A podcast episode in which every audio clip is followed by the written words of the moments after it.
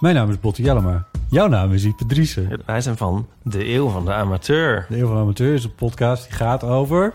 Alles. Het is een eh, podcast over levenskwesties die je niet kunt googlen. Een soort licht neurotische blik op het leven. Het is een podcast met humor. Jezus. Kijk, een grapje. Die, die vragen durft te stellen en die je ook onbeantwoord durft te laten. Mooi. met een regenboogvlagje. Dat, dat noem je queerbot. Dat uh, regenboogvlag, dat klinkt echt als een soort... Eh, ik bedoel, iedereen is welkom. Kom ons luisteren in je favoriete podcast-app.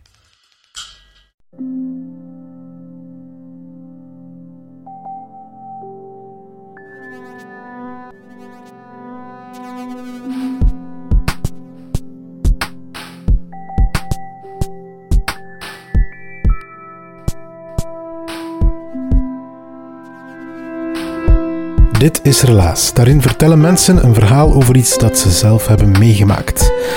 We gaan luisteren naar Petra. Het is, eh, zo vind ik zelf, een verhaal over non-conformisme, over niet willen meegaan met de stroom. En eh, het verhaal start op de favoriete plaats van Petra. Het is niet de plaats waar ze eigenlijk had moeten zijn op dat moment.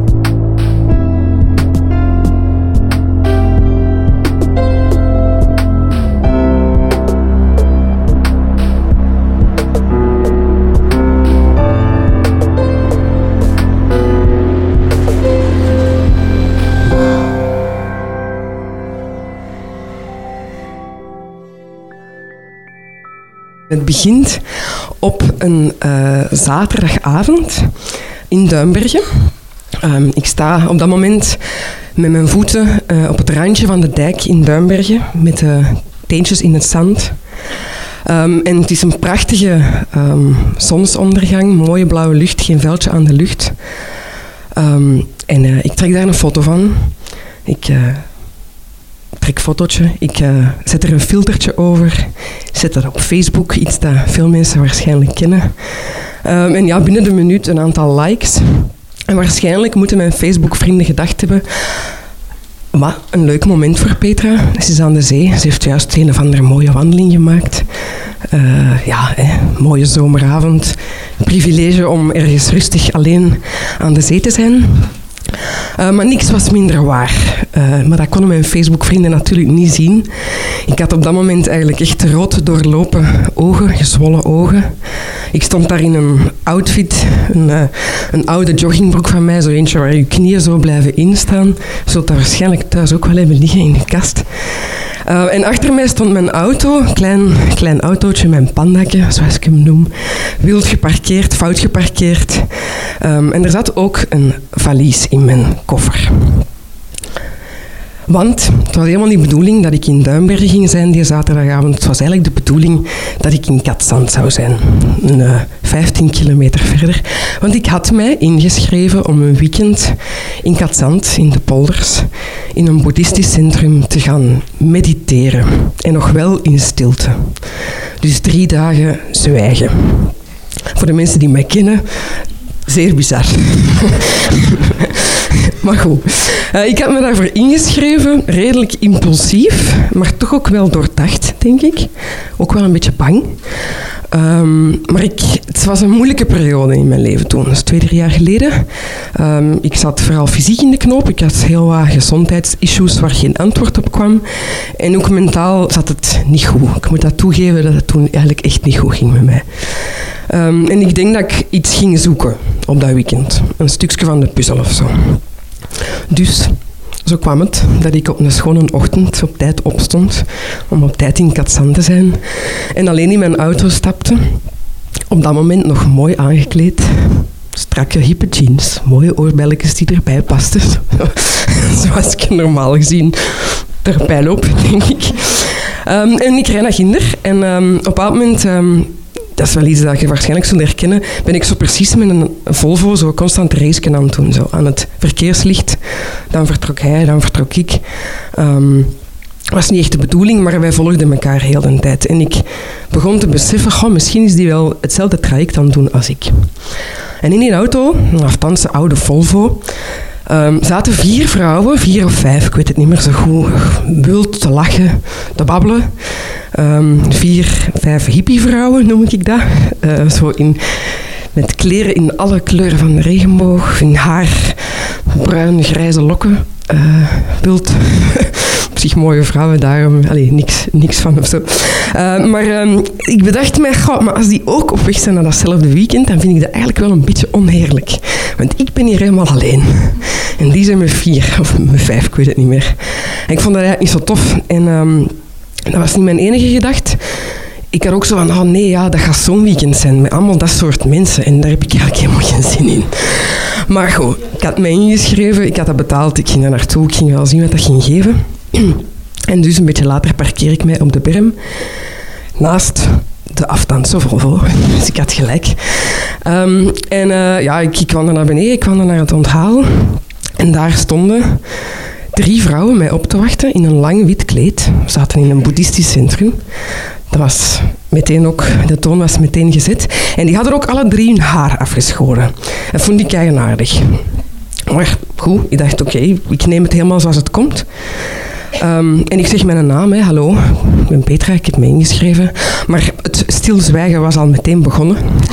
Dus ik kreeg absoluut geen reactie. Ehm, dus ja, de vinger ging over een eh, lijst met namen. Mijn naam stond er gelukkig tussen. En een van die vrouwen die gaat gebouw uit, dus ik volg die. Ehm, die kijkt niet naar mij, die, die maakt geen connectie. Ik volg die, die gaat naar een ander gebouw met een trap. Ik volg die de trap op, die vraagt niet non-verbaal of ze mij moet helpen of zo. Ik, uh, erachter. En eh, ja, we komen in een lange gang met allemaal deuren. En een van die deuren gaat open en daar is mijn kamertje. En het was al even ijskoud, vond ik als de dame zelf. En ehm, een klein kamertje met een metalen bed en een eh, IKEA-kastje. Zo'n houten kastje. 20 euro in IKEA, denk ik.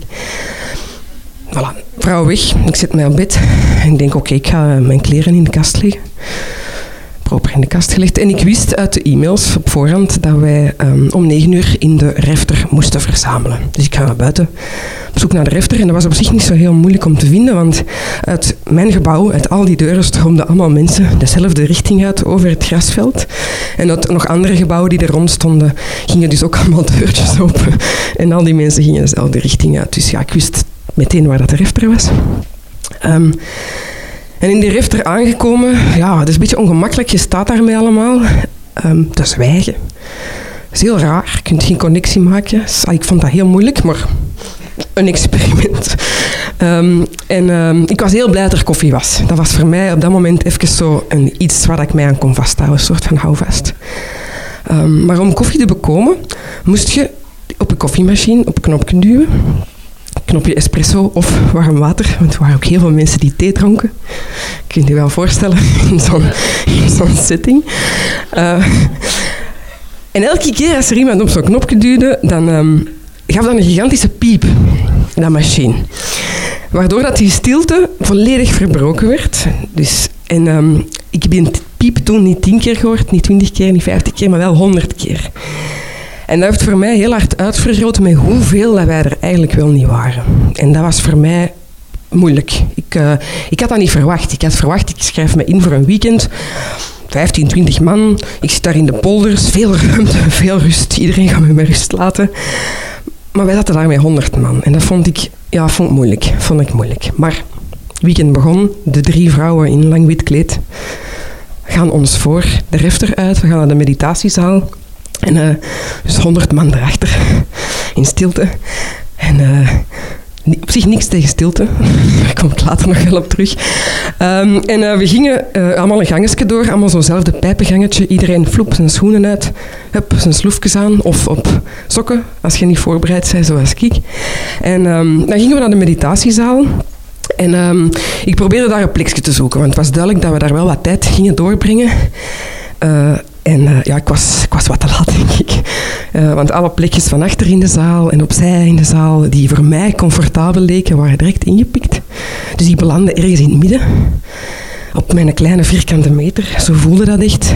Terwijl ik aan de zee zat, mijn ogen, waar dat heel veel plek was. Maar ik, ja, ik zat daar opgesloten in die meditatiezaal. Probeerde mij een houding te zoeken.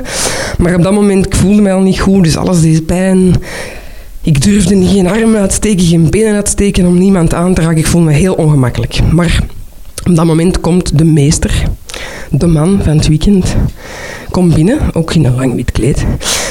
ja, sorry. Ehm, en op dat moment ontstond er ook een soort van hiërarchie. Ehm, hij was duidelijk de meester, hij was duidelijk de man. En dat was de man die wij, die drie dagen, die ons ging uitleggen wat wij moesten doen. Ehm, en je zag zo die, die vrouwen die ons hadden ontvangen, zag zo naar hem kijken, zo van, oh, kijk naar mij, kijk naar mij, geef mij een glimlach. Uh, duidelijk echte volgelingen zo.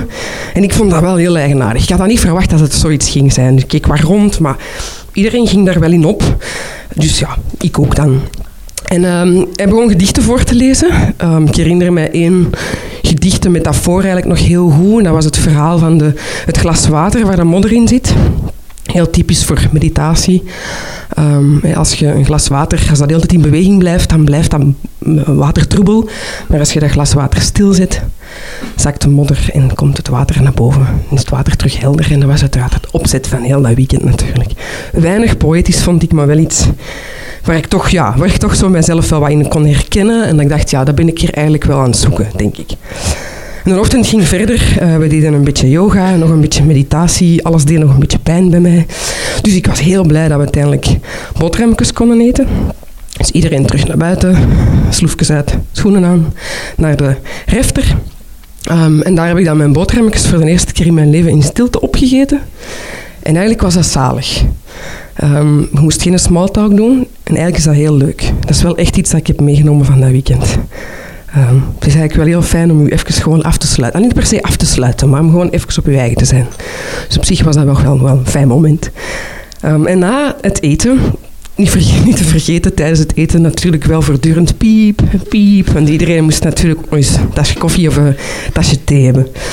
Um, en na het uh, eten was het tijd voor karma-meditatie. Wat dus eigenlijk hetzelfde is als we gaan um, het boeddhistisch centrum onderhouden. Want dat zit een stuk in de boeddhistische leer. Um, als je ergens bent, de bewoners van een gebouw of, onderhouden hun centrum. Dus uh, wij moesten glazen wassen, um, ramen wassen, sorry. Uh, onkruid uitdoen en dergelijke meer. En de taakjes werden uitgedeeld. Vier van voor dit, twee man voor dat. En op een bepaald moment zeiden ze, ja, we hebben één persoon nodig voor een taak. En ik stak direct mijn hand op ik. en dan bleek dan wel de toilettenkuisen, dat was wat jammer.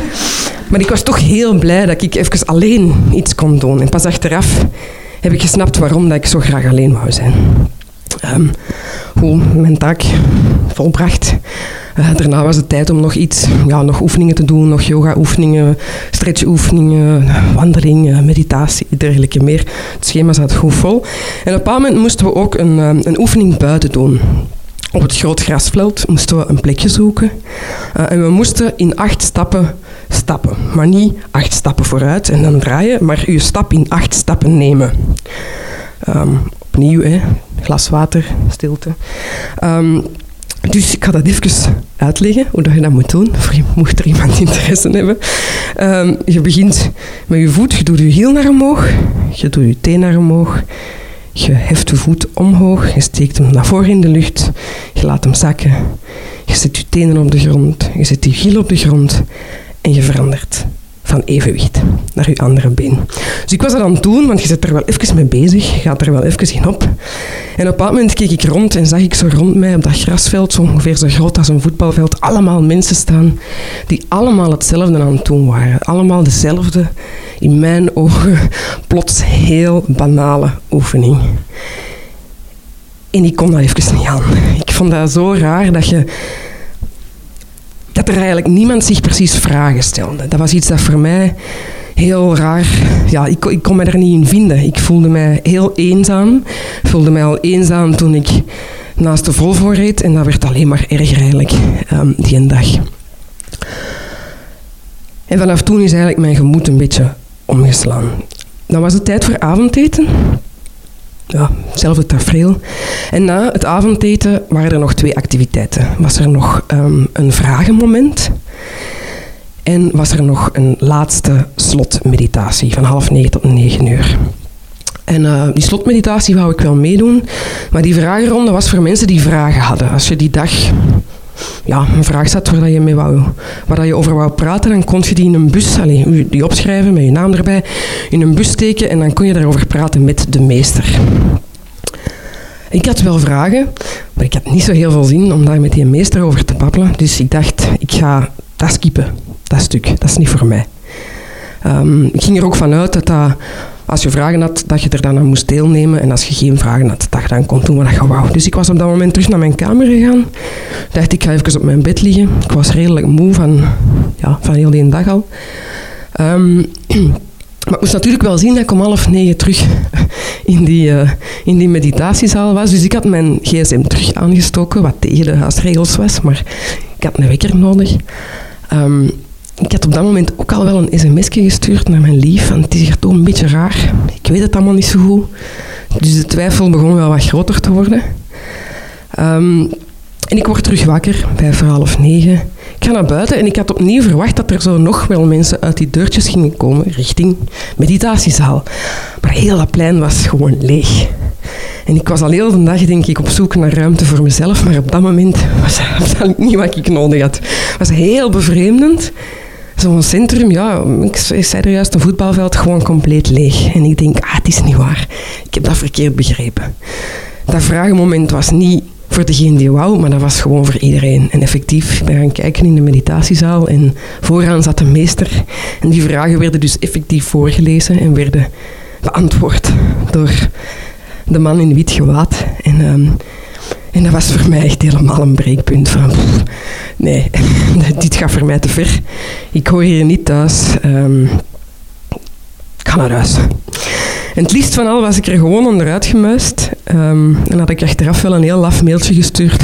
Bedankt, maar, ik ben er niet meer. maar um, toen als ik mijn koffer ging maken, besefte ik dat ik mijn yogamat en mijn regenjas had laten liggen in die meditatiezaal. En niet van achter, maar helemaal vooraan. Dus ik moest daar nog wel zijn. Uh, dus dan heb ik een half uur gewacht buiten op een bankje. Op dat moment eigenlijk heel emotioneel. Ik vertel dat nu heel grappig, maar eigenlijk was ik echt keihard aan het huilen. Ik, was niet gelukkig. Ik vond dat niet goed. Um, en dus ja, om negen uur komt iedereen naar buiten. En ik tegen de stroom in, naar binnen, op zoek naar de meester. Ik heb hem dan uh, vastgeklampt. Ik heb hem in zijn oor gefluisterd van wij moeten babbelen. En dan heeft hij mij apart genomen in een zaaltje. Um, heeft wel echt tijd voor mij genomen. Hij is over mij gaan zitten en hij zei, ja, vertel, waarom wil je weg? ik zei, ja, dit werkt gewoon echt niet voor mij. Zo'n grote groep, dat lukt mij niet. En vooral, hier ligt een vast schema op. Wij doen elke, elke moment van de dag, elke minuut van de dag, helemaal wat ons wordt voorgeschreven. En ik heb daar echt problemen mee. Ik kan dat niet zo goed. En iedereen doet dat hier gewoon zo. Niemand niemand gaat een andere kant uit. En ik vond dat raar. Um, en die man zegt van, ja, maak je dan nog mee in je leven?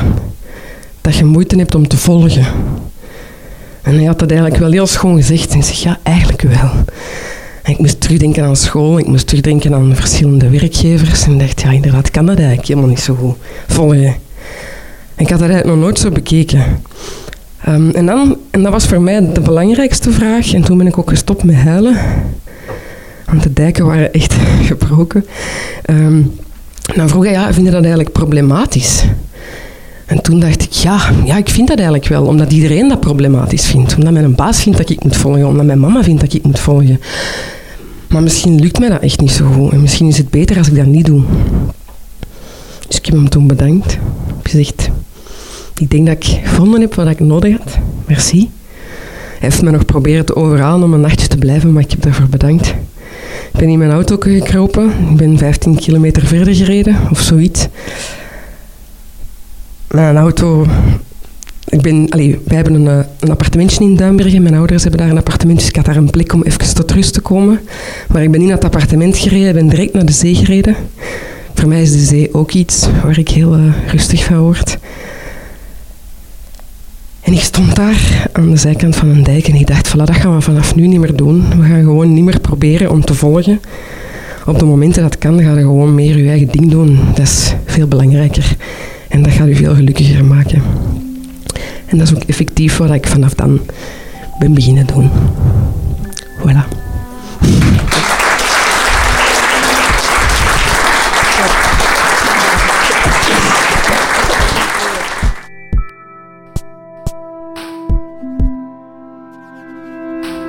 Dat was het relaas van Petra. Ze vertelde het, het was in een hopzak midden in het hartje van Antwerpen, ergens in maart van 2018. Uh, Petra is bij relaas terechtgekomen omdat ze zelf een heel grote liefde heeft voor podcasts of alles dat met verhalen is en audio te maken heeft. Ze heeft zelf ook een podcast, hij heet De Kladversie. En basically neemt Petra um, van iemand een notaboekje af of mee. Of die persoon geeft het notaboekje dat hij zelf bijhoudt mee met Petra. Ze houdt het dan een week bij. En op basis van dat notaboekje, ze gaat erin snuisteren, um, verzamelt ze vragen. En die vragen stelt ze dan in een interview. Dat wordt al lang gesprek dat ze dan monteert. Dus een heel leuk uh, uitgangspunt vind ik zelf. Ook vooral heel uh, straf hoe je zo iemand intiem leert kennen aan de hand van zijn notaboekje. Je moet het maar eens opzoeken. De kladversie heet die podcast. Een uh, vlotte babbelaarster die Petra geen wonder dus dat ze er niet in slaagde om te zwijgen in het boeddhistisch klooster. Shout-out ook naar de crew van Relaas. Stefan Greijaert, Marilyn Michels, Ruby Bernabeu Plaus, Steve Konaar, Evita Nocent, Dieter van Huffel, Charlotte Huigen, Valence Mattheus, Philip Cox, Timo van de Voorde, Anneleen Schelstraten, Sarah de Moor, Sarah de Smet, Sarah Latré, dat is een triumviraat van Sarah's, Kathleen de Vries, Egwin Gontier. We hebben ook een nieuwe stagiaire. Je mag zeker al onze socials checken, Facebook, Twitter, Instagram. Ze doet dat geweldig en ze heet Silke Dury. En als ik het goed voor heb, ben ik nog altijd Pieter Blomme. Misschien ben jij uh, zelf een bedrijf of een organisatie en wil je met live storytelling of met podcast aan de slag binnen jouw organisatie. Uh, weet ons dan te vinden. Wij helpen jou vooruit. Je kan ons vinden via Facebook, Instagram, Twitter, via mail of op onze website. Maakt niet uit. Of als je zelf een idee hebt voor een verhaal.